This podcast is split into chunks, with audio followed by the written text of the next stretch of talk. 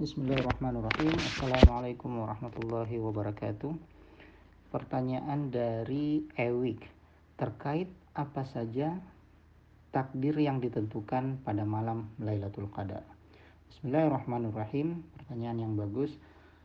Uh, ini pertanyaan atau hal yang memang diperdebatkan uh, banyak ulama dan karenanya hampir tidak ada jawaban yang standar atau pasti. Tapi mari kita lihat. Takdir dipahami sebagai ketentuan Allah. Ada yang kemudian membedakannya sebagai takdir yang sifatnya umum, takdir yang hanya berlaku tahunan, takdir hanya berlaku tentang usia, takdir harian, berlaku untuk semua manusia dan sebagainya. Nah, eh, di dalam eh, Lailatul Qadar itu para mufassir misalnya banyak yang menjelaskan bahwa yang dimaksud dengan takdir yang ditentukan di situ untuk menjelaskan kata uh, tanazzalul malaikatu warruhu fiha biidzni rabbihim min kulli amrin. Kata min kulli amrin segala urusan.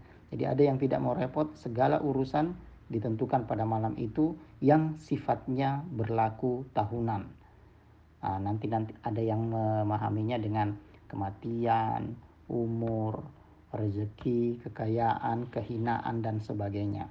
Jadi untuk amannya mari kita pahami bahwa takdir yang ditentukan oleh Allah pada malam Lailatul Qadar itu adalah uh, takdir yang berlaku tahunan dan ini yang dipegang oleh banyak mufasir ketika menjelaskan uh, bagian dari surah uh, al-qadar itu min kulli syai min kulli amrin.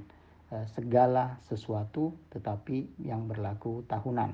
Mungkin tahun depannya akan bisa berubah dengan uh, ketentuan-ketentuan yang ditentukan pada malam Lailatul Qadar di tahun depan. Demikian semoga bermanfaat. Wallahu alam bisawab assalamualaikum warahmatullahi wabarakatuh